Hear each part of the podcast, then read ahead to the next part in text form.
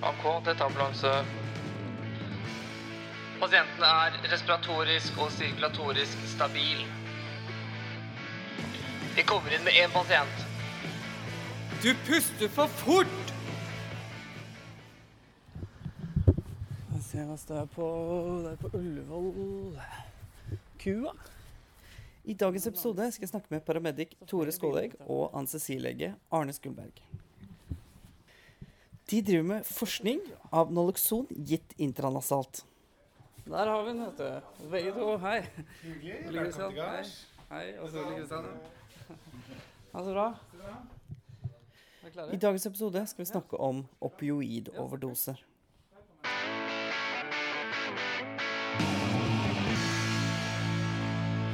Hjertelig velkommen til en ny episode av Du puster for fort. Jeg heter Ole Kristian. I dag så er jeg på Ullevål sykehus. Jeg er på kontoret til Arne Skulberg. Hjertelig velkommen. Takk.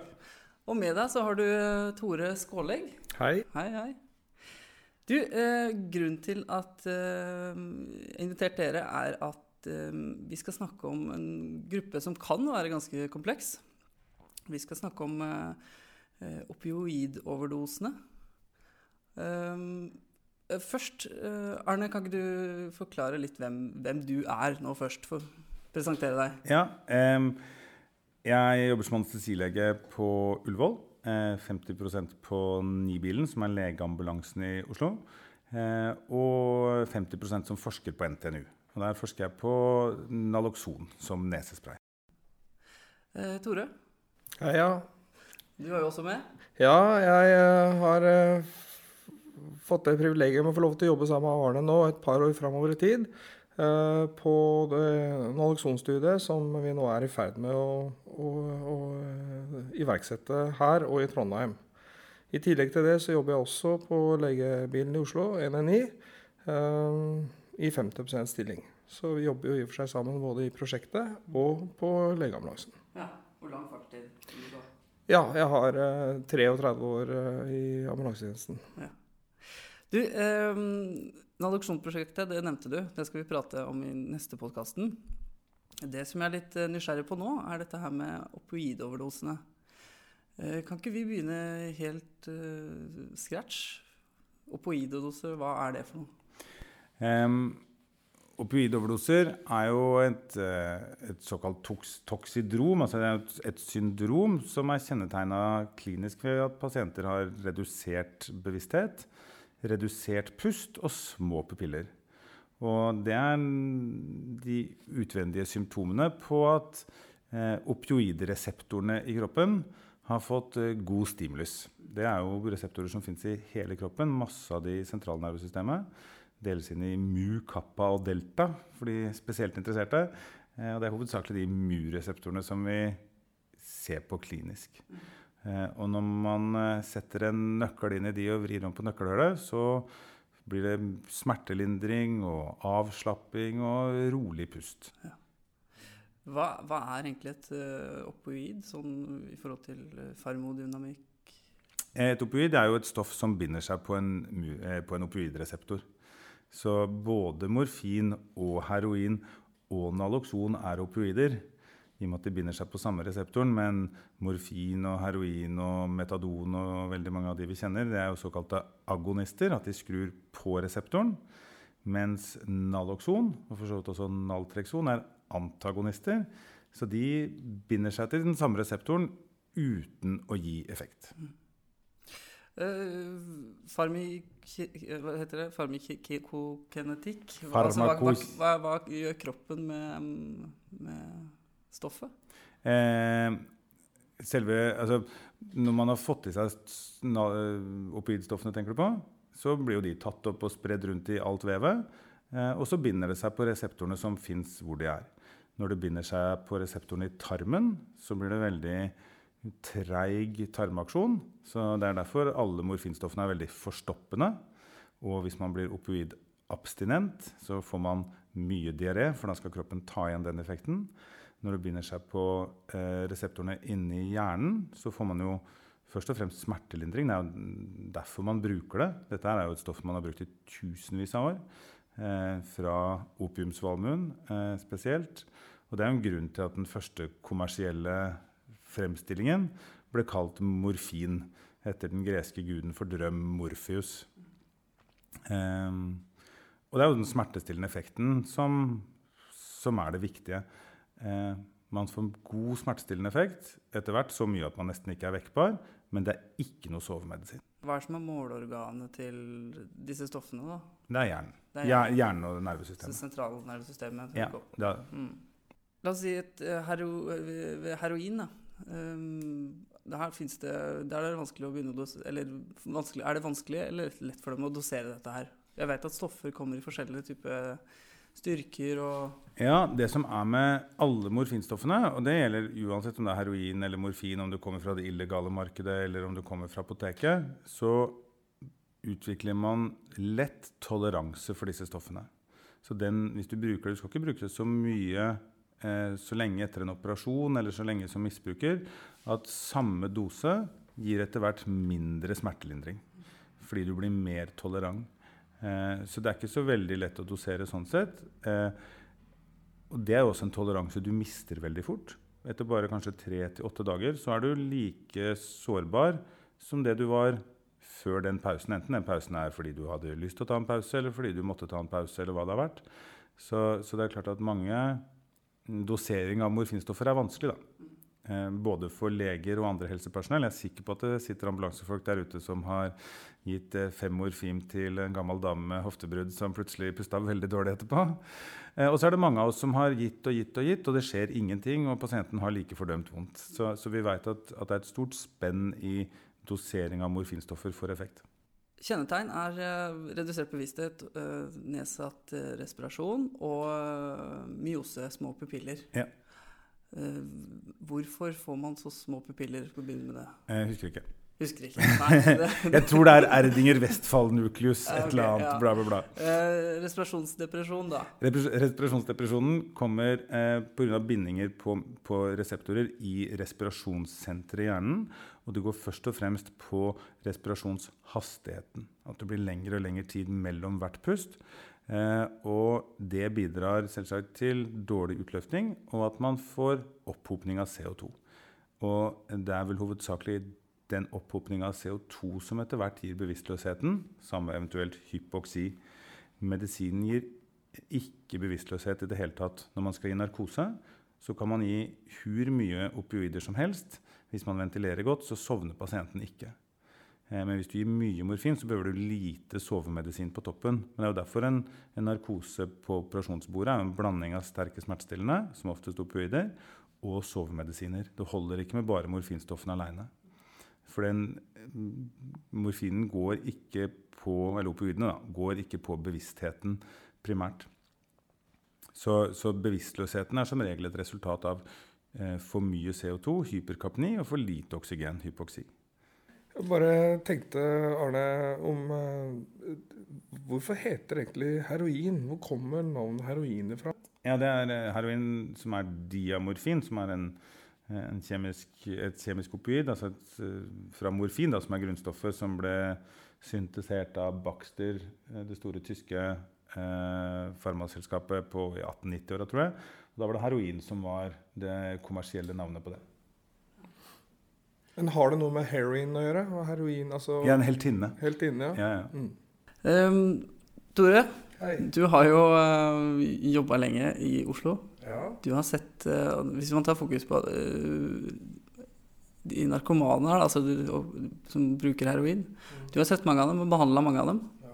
Um, hva er dine erfaringer med opiatoverdoser?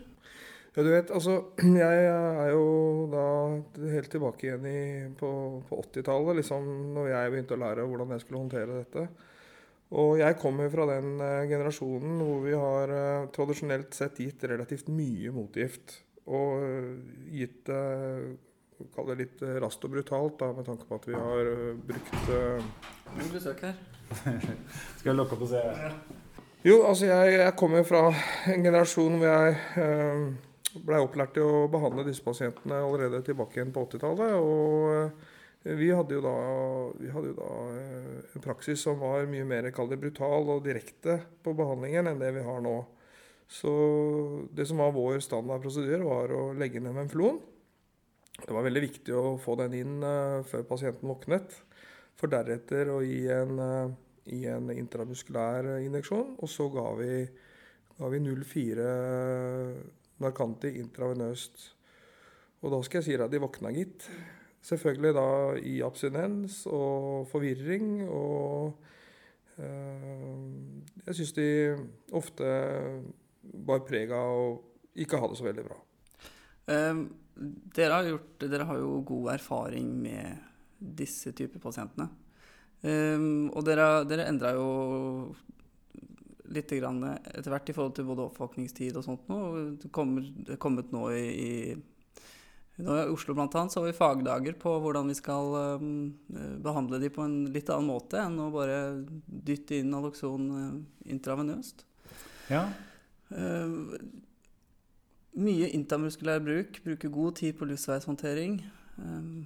Hva er grunnen til det? det altså en, en, en, akutt opioidoverdose er jo en, en eller, en, er en, en, akuttmedisinsk nødsituasjon med, med svikt i helt vitale funksjoner, hovedsakelig respirasjon da, og, og, påfølgende bevisstløshet. Så, eh, så, det er jo viktig å, eh, å være på ballen og, og, gjenkjenne det fort. Alle bevisstløse pasienter skal man jo mistenke opioidoverdose og se på begge pupillene for å se om de er små. Eh, og Naloxon, som er motgifta, er jo både terapeutisk i at den behandler overdosen, og så er den diagnostisk i at den bekrefter at diagnosen din var riktig. Eh, det finnes sikkert flere historier der ute. Det gjør det jo om, folk som har gitt Naloxon og ikke fått noen respons. Eh, enten fordi det var veldig veldig mye opioid, eller at diagnosen var feil. Men Naloxon er et veldig trygt medikament, så det kan man gi til alle. Eh, de tre bitene av oppfølging, eller av, av behandling av opioidoverdose, sånn som jeg ser det, det er jo først og fremst ventilasjon. Det er eh, for å si det litt flåsete, ingen som er død av mangel på naloxon i blodet sitt, men de er døde av mangel på oksygen i blodet sitt. Så ventilasjonen er det første. Så er det motgift med naloxon, og så er det oppfølginga videre. For i tillegg til å være en akuttmedisinsk nødsituasjon, så er jo dette eh, en tilstand som krever oppfølging av pasienten. Eh, som vil være litt forskjellig fra pasient til pasient, men vi glemmer litt at mange av de som får overdose, de, har, de injiserer heroin kanskje fire ganger om dagen. Fire ganger om dagen? Ja, ja. Det er ikke så uvanlig. Eh, og så får du én overdose i måneden. Eller aldri hatt overdose før, eller ikke hatt det på flere måneder. Så det å, å, å anerkjenne at Hvorfor fikk du ikke overdose på den forrige injeksjonen din? Eller på den forrige der? Hva, hva har skjedd i livet ditt nå som gjør at du overdoserte nå? Og det kan jo være alt fra at den fikk uventa sterkt stoff, til at den er mer tolerant. Jeg tror det er mye skjult eh, selvskading, altså en selvmordsforsøk mer eller mindre bevisst. Og mange ting, så, så det er nok den, den siste biten av behandlinga. Når det gjelder behandlinga med naloxon, så er jo den, eh, som Tore sier, i gamle dager eh, veldig mye intravenøs. Det var veldig viktig. Eh, til sånn som det er i Bergen i dag, hvor det jo nesten ikke brukes Naloxon prehospitalt i det hele tatt. Kanskje bare 0,02 eller 0,04 eller ingenting. Og hvor de bager det inn til sitt helt glimrende rusakuttmottak der, hvor disse pasientene blir tatt hånd om på det som er et akuttmottak som en intensivavdeling med veldig veldig bra oppfølging. Hvor de jo bevisst ikke bruker Naloxon. fordi hvis de våkner for mye av Naloxonen, så vil pasienten ofte ikke være med inn, eh, er abstinent, og da eh, fratar man jo folk behandlinga videre. Og det er klart, som Tore sier, det å gi intravenøs naloxon, det er å sette i gang en stor akutt abstinensreaksjon. Eh, og akutt abstinens på opioider det blir kjennetegna med aggresjon, rastløshet, renner i nesa, får diaré, får ståpels. masse ubehag ikke så veldig interessert i å samarbeide etterpå. Eh, og det ser vi i Oslo. Våre retningslinjer er fortsatt egentlig ikke oppdatert, og det står at man skal bruke IV der hvis man må.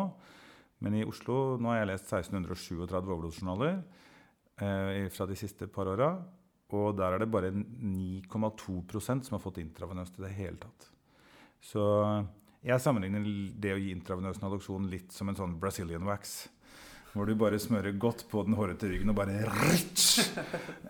av alt sammen, og det er ca. like vondt. Da eh, kan du tenke deg at alle de immunreseptorene rundt omkring i hele sentralnervesystemet som har vært dekka og pleid fint med et lite opioid, eh, plutselig så eh, blir all heroinen eller alle opioider som står der, dytta bort. Det kommer et naloxonmolekyl og setter seg i det nøkkelhullet og stopper effekten. Og det setter i gang masse reaksjoner på, gjennom hele nervesystemet som ikke er noe behagelig. Eh, jeg vil jo tro at hvis du hadde vært, uh, ligget på operasjon, og du hadde vært som anestesilege, og du hadde vekt meg uh, sånn med en gang, så tror jeg jeg hadde fått litt sjokk sjøl. Ja, da hadde du fått sjokk, men da hadde du sannsynligvis ikke vært avhengig av opiater før operasjonen, så den abstinensreaksjonen din ville vært mye mindre. Og det er klart at folk som enten uh, går på litt LAR-medisiner eller tar, har opiater innabords og hatt det kanskje i mange år, er veldig, veldig sårbare for det. Um, så, så, det å være litt gentleman av loksonen. Vi har jo lært det at og det var så veldig viktig med det intramuskulære, for det varte så mye lenger. Eh, det var liksom matpakka. da, at liksom Det var den intravenøse som skulle gi akutt oppvåkning, og så trengte de det intramuskulære fordi det holdt eh, det vi ser i forskninga vår. Og vi har jo gitt masse Naloxon til friske frivillige. Både gitt det som sprøyte i skulderen, som nesespray og som intravenøst. Og så målt, vi har jo tatt flere tusen blodprøver og målt Naloxon. Og vi ser jo at uh, det intramuskulære det varer mellom 7 og 20 minutter lenger. For halveringstida til en medisin er ikke bestemt av måten du gir det på. Medisinen har den samme halveringstida enten du tar det som tablett eller stikkpille eller IV eller hva du gjør. Men eh, opptaket er jo forskjellig. Så det er klart det intramuskulære blir tatt opp litt saktere, og derfor varer det litt lenger. Men det er ikke mer enn en halvtime. Så det er klart at hvis eh, hvis vi er så bekymra for varigheten til Naloxon at den halvtimen er veldig viktig, så gjør vi jo en, da, da, må vi tenke oss om mye mer, egentlig. Men Arne, når uh, syns du vi skal vurdere uh, intravenøs uh, behandling med Naloxon? Eh, luftveisproblemer, f.eks. Hvis man ikke får luft til pasienten. Eh, men det er klart at hvis man bare er to stykker og ikke får luft, eh, så er det ikke sikkert at én skal begynne med Venflon heller. Nei. Så, så, så, da skal man jo, hvis man ikke får luft i disse pasientene, så skal man som alltid spørre om hjelp og drive og få flere folk. Enten det er en legeressurs eller en annen bil eh, eller hva man har. Og får man ikke luft i pasienten, så ville jo jeg eh, fokusert på A med begge eller alle som var der, med at noen holdt maska, andre holdt bagen, bruker svelgetube. Eh, leire riktig. Leire riktig, Passe på at man har kapnograf, så man ser at man får CO2 tilbake og alt det. Så, eh, så, så det er jo det er jo et litt ressursspørsmål at jeg sier at det, et, et A-problem kan være et argument for IV-naloxon. Eh, men eh, samtidig så med et A-problem så skal jeg være ganske det er, så, ja, det er ikke så, lett å, at én står og fikler med ei hånd heller. Eh, kan du fortelle litt med egne erfaringene? Jeg kom fra en tjeneste før. Eh, da jeg var fra landet, og så begynte jeg å jobbe i Oslo. Veldig nervøs. Jeg syntes det var skummelt å jobbe i Oslo, i storbyen. Eh, men eh, så får vi utkall til en opiatoverdose. Tenkte jeg dette kan jeg prosedyremessig. Lysveishåndtering, det vet jeg hvordan man gjør. Um, når det kom fram, så var det altså, uh, Lystveishåndteringa var veldig veldig vanskelig pga. både tenner og hvor, da, hvor tynne de var. Og, og, jeg skjønte da at jeg var veldig veldig dårlig på luftveishåndtering. Det er noe jeg må trene på. Samtidig som um, jeg fikk um, ga Naloxon der, så gi dem mye mindre doser. Dette kan de i. Oslo. Dette er de gode på. Eh, hadde jeg kjørt ut sjøl, så hadde jeg vel kanskje fulgt prosedyren som da var 0,8 intramuskulært, og så var det vel 0,4 intravenøst da etterpå, til å ha fått inn nål. Um, Tore, du har jobba lenge i senteret, som vi har snakka om. Det, kan du se noen forskjeller i forhold til um, når dop er sterkt, når uh, folk kommer til byen for å kan man se noen sånne overdosetopper? Og du sitter jo på journalene også. Ja, altså Erfaringsmessig Jeg kan jo snakke mest ut av erfaring, mens, uh, mens Arne sitter på tallene. Men jeg kan jo si i hvert fall at eh, sånn tradisjonelt og opp gjennom åra så har det jo vært uh, mye overdoser om sommeren. Du har innflyttere som kommer inn uh, trekkfugler. Og i tillegg så Jeg vet ikke om det om det medfører riktighet, men har inntrykk av at uh, leverandørene vet dette og sørger for at det er godt med dop, særlig om sommeren. Så det er jo en av grunnene til at vi nå i vårt prosjekt som vi skal snakke om senere, uh, ønsker å være klare til eventuelt en, en, en topp nå i sommer. Ser du noe på tallene, Arne? Ja, ganske mye. Vi vet at det er, med, det er, aller flest overdoser på sommeren. Juni, juli og august har eh, dobbelt til tre ganger så mye som eh, desember, januar og februar. Eh, uten at vi har noe eh, sånn helt klar forklaring på hvorfor det er. Men det er klart at det er mer av all mulig rus på sommeren. Det er mer fyll på sommeren, og det er mer eh, Folk sitter ute og koser seg mer. Eh, Eh, vi har ikke analysert de enda ned på nivå for å se om det er like mange for på sprøyterommet gjennom hele året, og at det er andre typer overdoser på sommeren. Eller eh, Vi har jo da av de 1600 og et eller annet overdosejournalene jeg har lest hittil, som er fra 2014 til 2017 eh, Nei, 2016, så, så er det jo bare 400 og et eller annet individer. For det er klart Noen går igjen og har mange overdoser, og så er det en del som bare er, har én overdose i livet sitt. Det er noe annet i behandlinga å være bevisst på, nemlig det å, å, spørre folk har du hatt flere overdoser. Eh, og Det er jo det vi håper å finne ut litt seinere. Eh, hva er risikoen din for å få en overdose til, eventuelt dø av en overdose? Eh, for vi har ikke anerkjent nok tror jeg, rundt omkring, eller i hvert fall hatt muligheten. og Der er jo f.eks. Bergen med sitt rusakuttmottak rus veldig bra og Trondheim med helse- og overdosetime, eh, den risikoen disse pasientene har for å overdosere igjen. Én ting er liksom den akutte overdosen, men hva, eh, hva, er det som skjer nå, og hva skal vi tenke på på oppfølginga for å hindre det her nå en gang til? Så tenker jeg også det at eh, for oss som behandlere så tror jeg det er utrolig viktig å, å prøve å se denne pasientgruppen eh, hva skal vi si, i sitt sanne lys. Dette er kronikere som alle de andre kronikerne vi har. Og de har eh, kanskje et mye større behov enn veldig mange andre av de som vi kan kalle akutte syke, og som blir friske igjen. Vi er nødt til å ta inn over oss at, uh, at vi ikke har behandlet de uh, godt nok, syns jeg, da, som kronikere. Altså Vi har behandlet de kanskje godt nok som akutt syke. Men når vi da har reversert den overdosen, så er de fortsatt kronikere. Og når vi først øh, ønsker å gi dem et tilbud, så vil de jo ikke ha det. Og det er jo ikke fordi at øh, de ikke vil ha hjelp. Det er fordi at de forstår at vi ikke har noe tilbud å gi dem som er reelt. Derfor er vi nå veldig glad for at, øh, at rusakutten nå har åpnet for direkte innleggelser etter overdoser. Eh, vi skal prate litt mer om det. Eh, men jeg tenkte vi skulle bare opplyse litt eh, også. at er, Nå har vi snakka veldig mye om de narkomane ute i gata, om heroin. Kanskje også opplyse også at det, det gjelder jo andre pasientgrupper også, spesielt kanskje kancerpasienter som blir høydosert med bl.a. morfin? Det er viktig alltid å tenke på opiatoverdose som en differensialdiagnose ved alle bevisstløse pasienter. Uh, og, hvis man er i tvil, så er det ikke noe farlig med å gi Naloxon intramuskulært. Uh, det, veksten av morfinlegemidler og overdoser på de i USA er jo helt eksplosjonsarta, hvor du har fått et misbruk langt utafor eh, det tradisjonelle narkotika- eller narkomanklientellet. I Norge så har jo fram til nå heldigvis sterke morfinsmertestillende vært begrensa til kreftpasientene. Mens i USA så har man jo fått eh, oksykodon spesielt, da, enten som Oxynorm som korttidsvirkende eller Oxycontin som langtidsvirkende, for eh, vonde knær og hofter og alt mulig rart, og gjort folk til narkomane.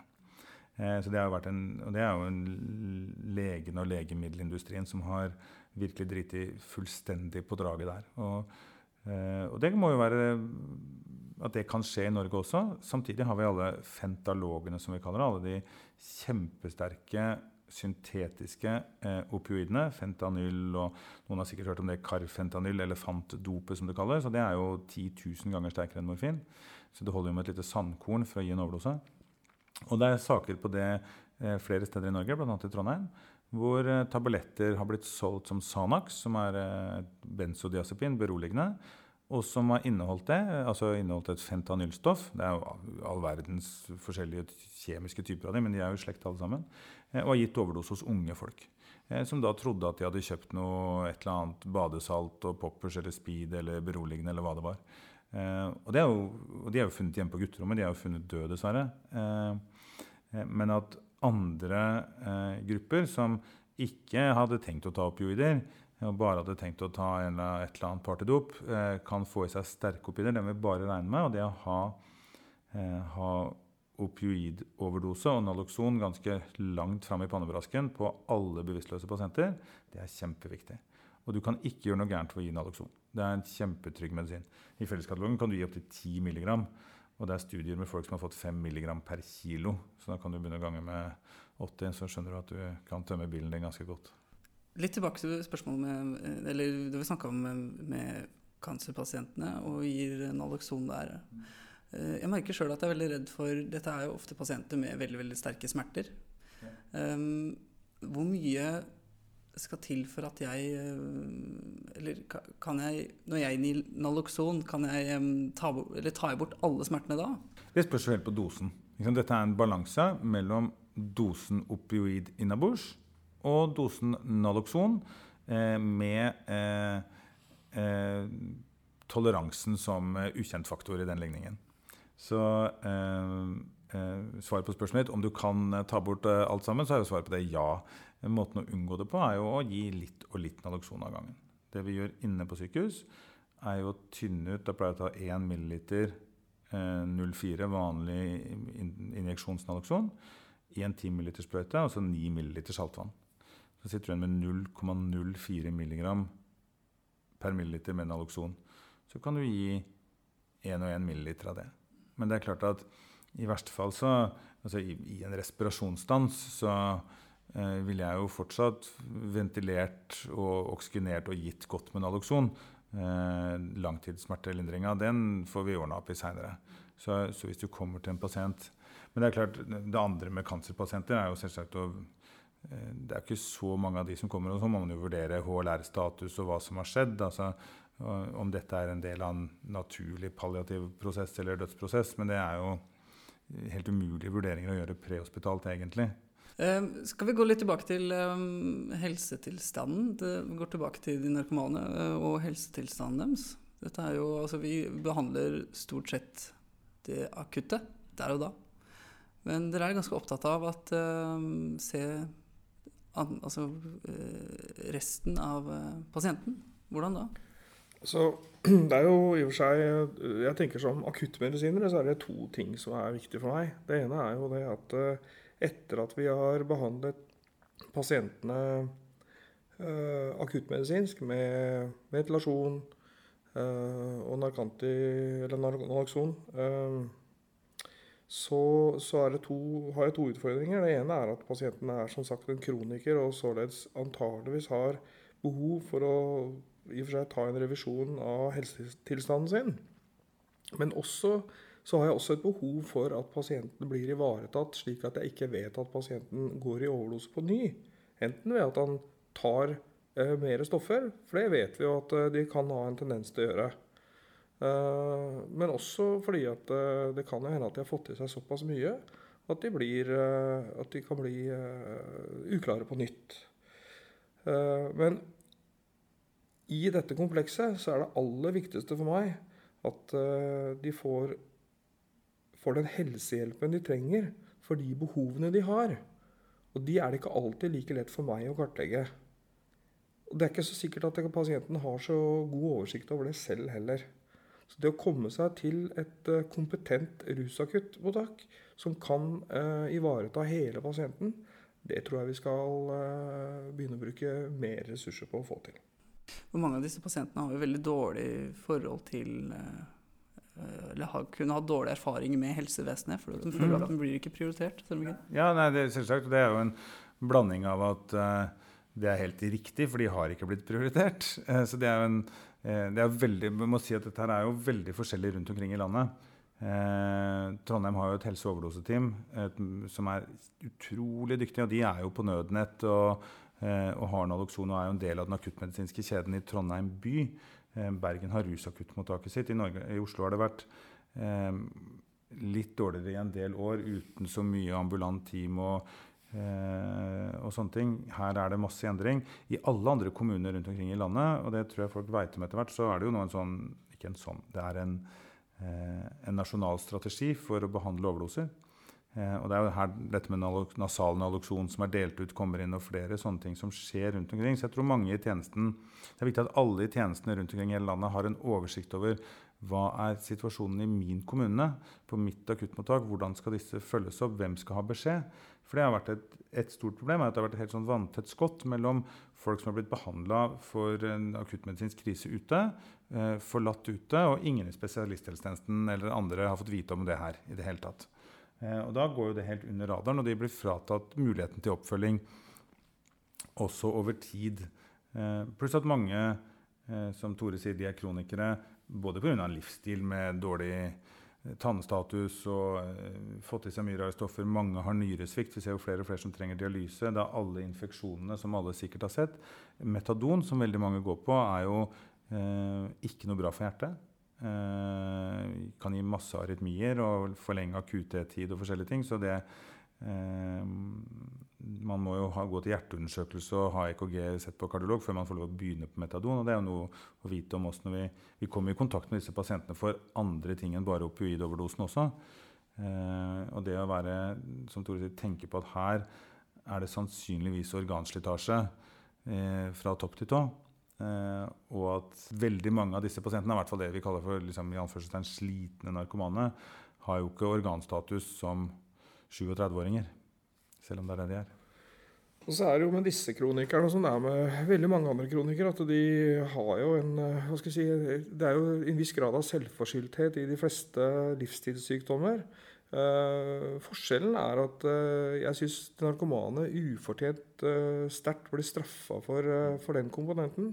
Hvis vi hadde overført måten vi tenker på, måten vi reagerer på, eh, overfor de narkomane på andre kronikere, så, så, tror jeg vi hadde sett egentlig hvor, eh, hvor, feil vi tenker.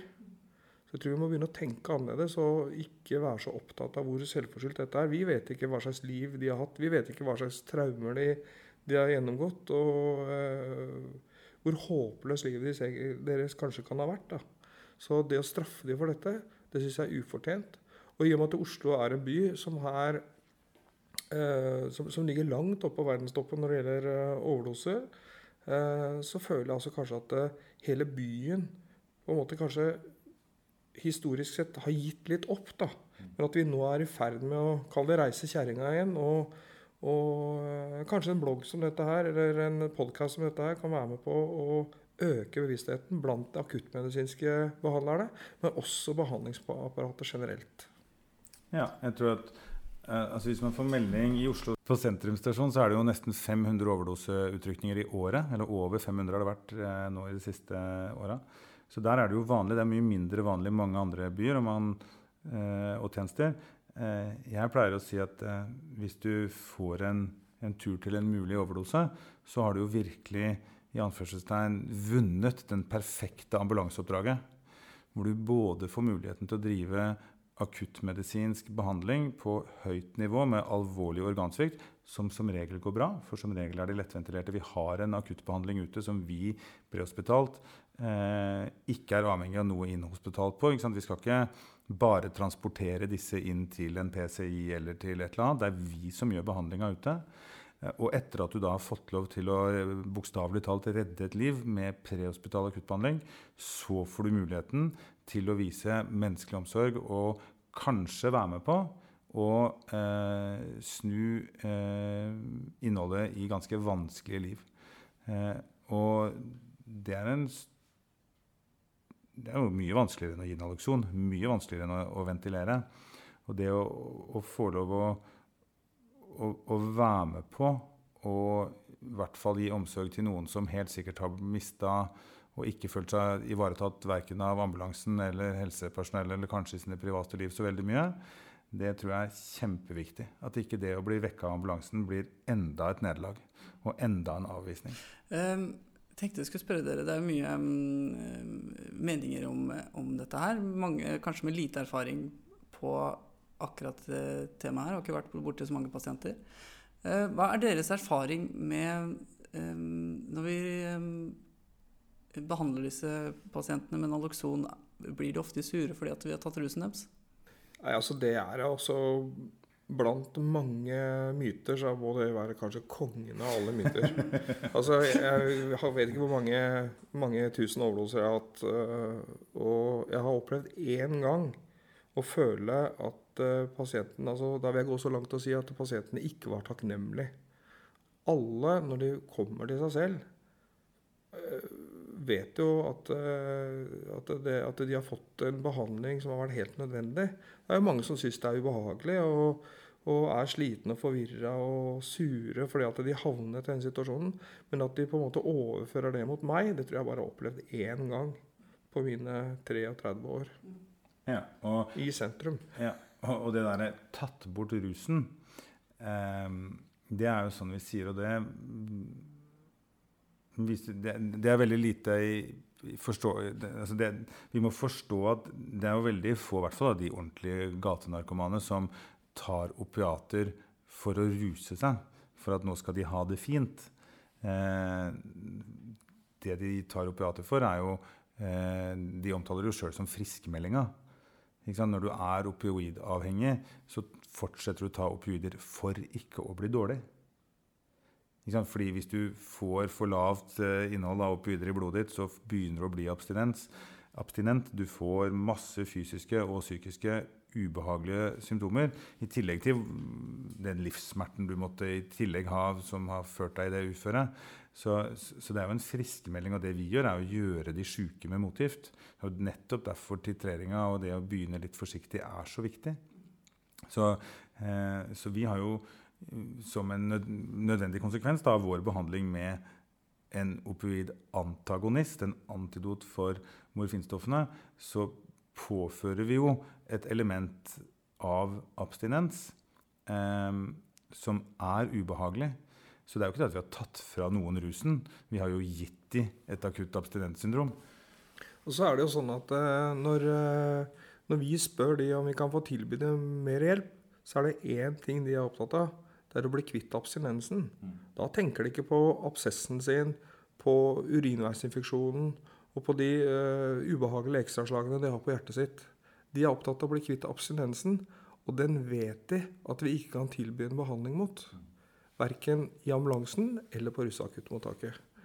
Det som er viktig for oss, det er å nå fram til det rasjonale hos pasienten. At uh, det er andre ting vi er bekymret for, og som vi ønsker å hjelpe dem med. Mm. Og Det tenkte jeg vi kunne prate litt om nå. Den, så deres synspunkt på den optimale behandlingen for disse pasientene. Hvordan, hvordan, kan vi gjøre det best fra akuttfasen til vi sier ha det bra? Det er jo veldig avhengig av hva som er tilgjengelig for deg etter oppvåkning. Og det er veldig forskjellig fra kommune til kommune. Eh, og så er det avhengig av om du får luft i pasienten på begynnelsen eller ikke. som har sagt. Så hvis vi liksom antar Den ideelle oppvåkninga for en, en, rusbruker ville jo vært å bare bli forsiktig maskebagventilert i den halvannen timen du tok før, eh, før opiatet ga seg. Du, det, er den, det, er den, aller beste oppvåkninga. Normoventilert, forsiktig maskebag mens du ligger på et teppe og holder varmen. Eh, Sørge for at det er normalt blodsukker og, og, og, og, og gi dem en liten narkose. Men det er jo helt urealistisk og utrygt. Så så I alternativet så er jo det å skaffe A- og B-kontroll. Eh, være sikre på at det ikke er hjertestans, være sikre på at det ikke er hypoglykemi, eh, og gi Naloxon. Eh, og da er det å gi Naloxon i store nok doser til at, kan, at den første dosen du gir, kan motvirke de fleste tilfellene og gi oppvåkning. Og da er det viktig å gi det enten i skulderen eller i nesa etter hvert, for å ha litt saktere opptak.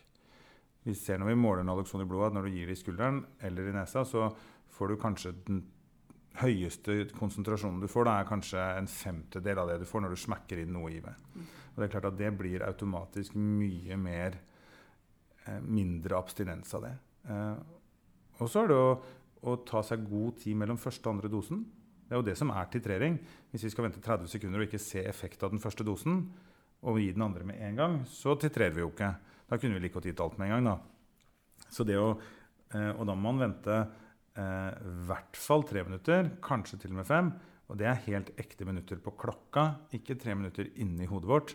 Eh, hvis man ventilerer stille og rolig eh, Noen, og det er mange gode argumenter for det også, ventilerer litt før du gir Naloxon for å få ned CO2-en. Hvis du har, da våkner du opp og er litt mer normal CO2 i blod, litt mindre sur, og det bidrar nok også fått oksygenen godt opp. Så det å ventilere godt og så gi forsiktig Nalokson, enten i nesa eller i, i skulderen eh, Og vi, vi, som helsepersonell kan jo ikke gi nesa enda fordi det ikke er noen godkjent preparat vi har tilgjengelig, selv om det nok endrer seg veldig fort i åra som kommer. Eh, og så blir det jo da å ha den oppfølginga. Eh, og det viktigste da er jo at vi som prehospitalt personell kjenner til oppfølginga i vårt område. At alle veit i Trondheim hvordan de skal kontakte helse- og overdoseteamet. Det er ikke så vanskelig fordi de er på nødnett. At eh, hvis du er i eh, Alle kommuner plikter nå etter hvert og skal det blir nok et, en retningslinje nasjonalt for oppfølginga etter ikke-dødelige opiatoverdoser. Og at alle kommuner bør ha et system for det. Og det er viktig at vi kjenner og sier at nei, eh, For vi blir jo ofte svart skyldig. Ja, du må være med på akuttmottaket. Ja, hvorfor det? Og så, og så, sier man av og til nei, du skal få observasjon. Observasjon er ikke noe du får. Observasjon er noe vi gjør med deg. Det er ikke noe gave. ikke sant? Det er, det er ikke så 'Tusen takk, jeg har blitt observert'.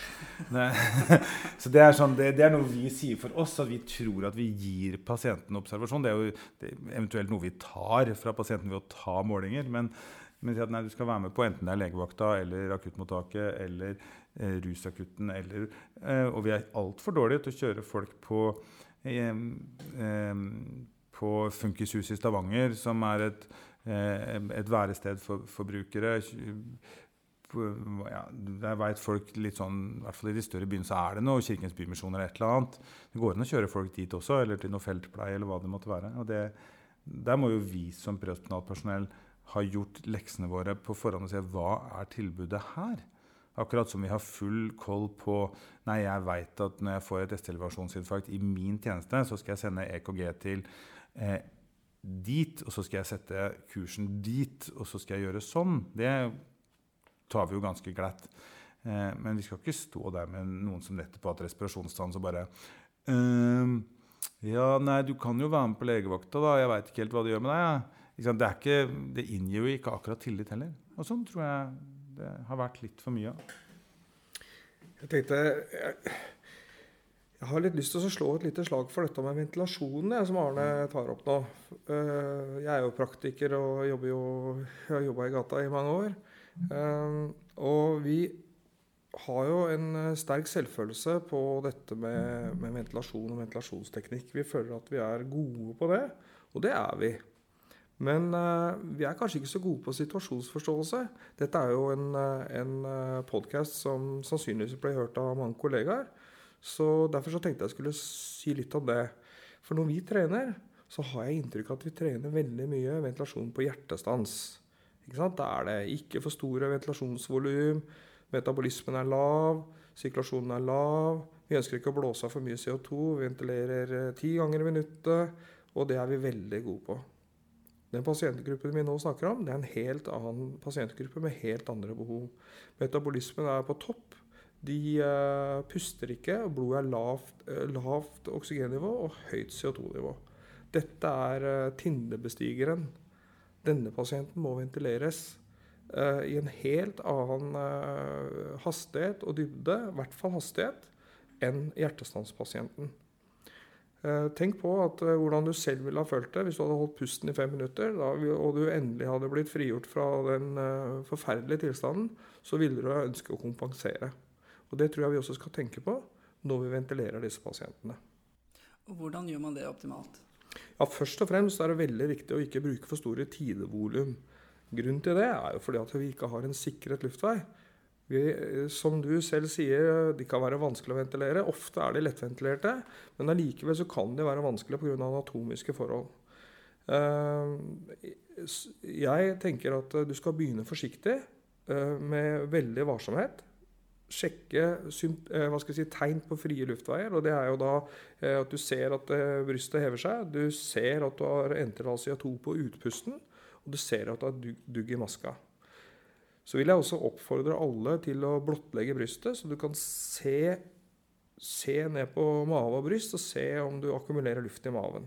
Det tror jeg vi er veldig dårlige på.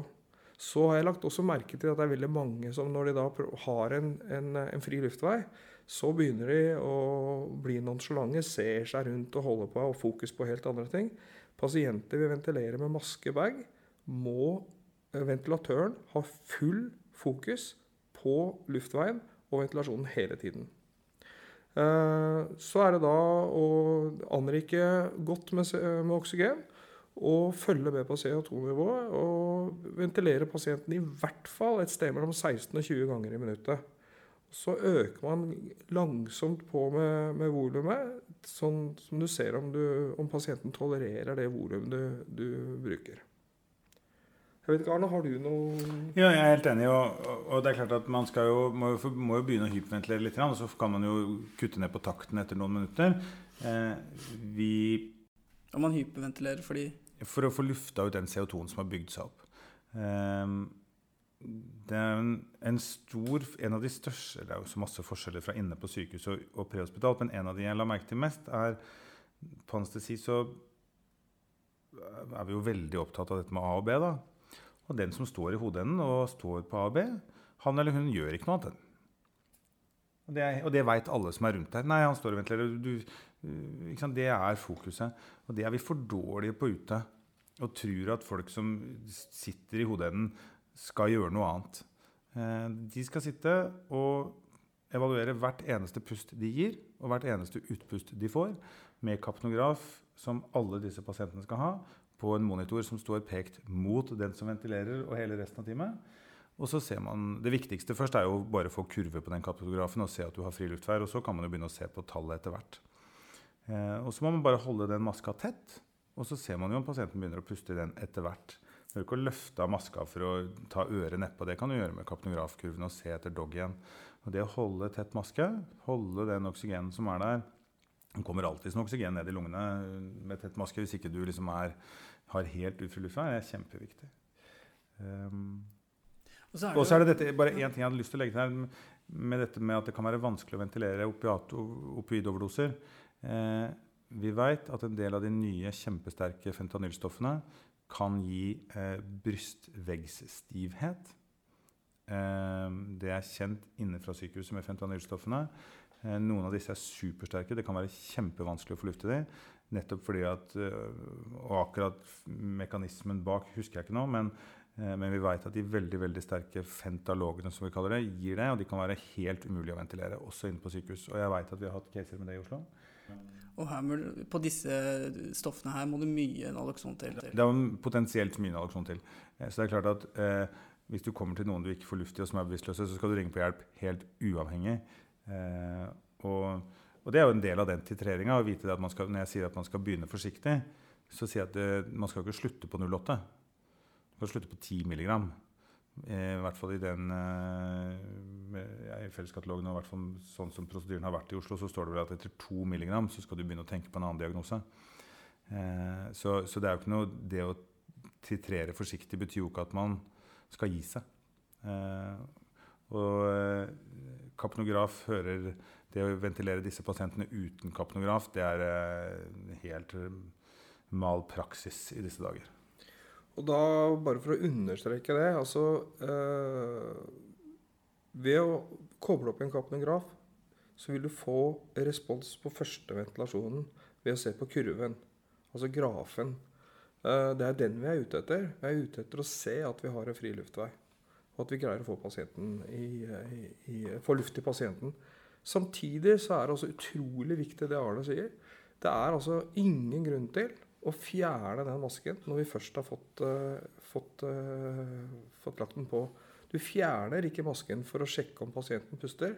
Det gjør du ved å se på, uh, på ventilene i, i, bagen din og på, og på doggen, men først og fremst på kapnografikurven. Husk på, som Arne sier, hvis du har en, anrik, en, en, en, si, eh, ventilasjonsluft som er anrikt med surstoff, så vil det komme surstoff i lungene hvis du holder maska tett. Selv om kanskje pasienten har en, en spastisk toraks, nærmest. Du føler at det si meg stritter han imot her.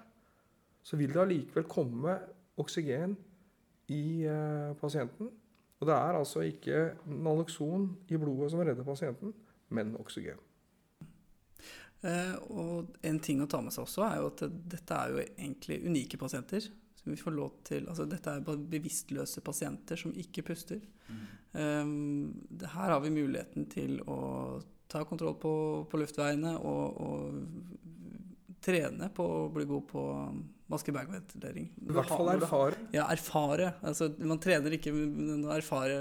Altså, man Bruk denne, bruk denne, tiden her til å, til å, gjøre deg god på maske-bag-ventilering, for det har man muligheter på disse pasientene her. Ja, og så øh, øh, er jo dette den lærdommen man tar der, det med å holde tett maske. Det kan man da også gjøre på folk som puster selv. Bevisstløse pasienter som puster selv, vil jo jeg også holde tett maske med kapnograf på. For da er jeg sikker på at én, de får oksygen, to, jeg kan se på den kurven at de fortsetter å puste selv. Ikke sant? For hvis jeg har et bevisstløst menneske som puster sjøl, så skal jeg jo ha ganske lang observasjonstid før jeg tenker at ja, ja, dette går sikkert bra, han kommer til å puste selv hele veien inn. Eh, men det veit jeg jo ikke. Så det å alltid ha på kapnograf på bevisstløse pasienter, det skal man ha. Og det kan man godt ha på maskebag hvis ikke man har det på Man kan også legge på en nesegrime og en eh, maske med reservoar og sånne ting. men Eh, men det er klart at maskebag med kapnograf det hører med på alle bevisstløse pasienter. Og her hos disse så får man jo muligheten da også til å ventilere. Nå har vi snakka en stund. Jeg tenker vi må begynne å runde av. Ja. Er det noe dere vil tilføye nå, kort? Nei, jeg tror det viktigste å vite om opioidoverdosene er to ting. For det første at veien til opioidoverdosen vet vi veldig lite om. Både den menneskelige veien i de enkelte pasientene. Vi må behandle det som det det er, nemlig eh, en akutt hendelse i et kronisk liv med mye helseplager og, og sannsynlig rusbruk. Og at eh, det fortjener å bli tatt alvorlig også etterpå. Eh, og at i akuttbehandlinga så er det ventilasjon og evaluering av ventilasjonen som gjelder først. Og så eh, titrering med nalokson. Eh, først og fremst intramuskulært, etter hvert kanskje i Norge også intranasalt og eh, begrense den intravenøse bruken til når man eh, har ventilasjonsproblemer. Eh, og ikke tenke på dette som å herregud, en overdose, nå blir det sikkert bare ta fem minutter, masse drama, eh, utakknemlig pasient, ha det godt. Det er ikke sånn det skal være. Tore? Så, så, eh, er det altså sånn at uh, vi som nå sitter her og lager uh, podkast, vi har også, som, altså, som har blitt sagt, lang fartstid. Og vi har respekt for at det å stå i en sånn akutt situasjon er krevende. det kan være utenomliggende faktorer der med at det er syreparty og ubehagelig stemning. Det kan være at vi er få. Eh, det å holde både fokus på den ventilasjonen og på den luftveien, samtidig som man skal ha progresjon i behandlingen, er krevende. Så det er jo kanskje det som er den største forskjellen mellom, uh, mellom innhospitalet og prehospitalet. Det er ressursene vi har tilgjengelige. Hendene. Jeg tenker vi avslutter nå. Tore, Eh, jeg spør alle i, som, eller flere av de som er med i podkasten her, for, nei, Arne for sin eh, mulighet etterpå. Hva gjør eh, en ambulansearbeider god i dine øyne? Ja, så For det første må jeg si at jeg føler meg fortsatt utrolig privilegert som har fått den æren det er å jobbe i ambulansetjenesten. Jeg tror at det som gjør oss gode, det er først og fremst at vi har en faglig nysgjerrighet. At vi aldri Uh, hva skal jeg si, går av veien for å snu på den steinen for å se hva er egentlig dette for en, uh, for en tilstand. Og så er det det at man har en ydmykhet for uh, den situasjonen man er i. At man, at man jobber med mennesker som er i en livskrise som er vanskelig å ta inn over seg. I hvert fall når man driver med det hver dag. Men også at man har evnen til å vise mot å ta beslutninger og handle der hvor det kan virke vanskelig. Hjertelig takk for at dere kom, dere to. Vi skal snakke, I neste episode skal vi snakke om eh, Naloxon-prosjektet deres. Det gleder jeg meg veldig til. Eh, Jeg tenker vi avslutter nå. Hjertelig takk for at dere kom. Tusen takk. Tusen takk for at vi fikk lov til å komme. Du for fort er tilbake neste uke. Da er også Arne og Tore med. Da skal vi snakke om Knowledge Zone-forskninga som har begynt nå i disse dager. Til da ha det godt.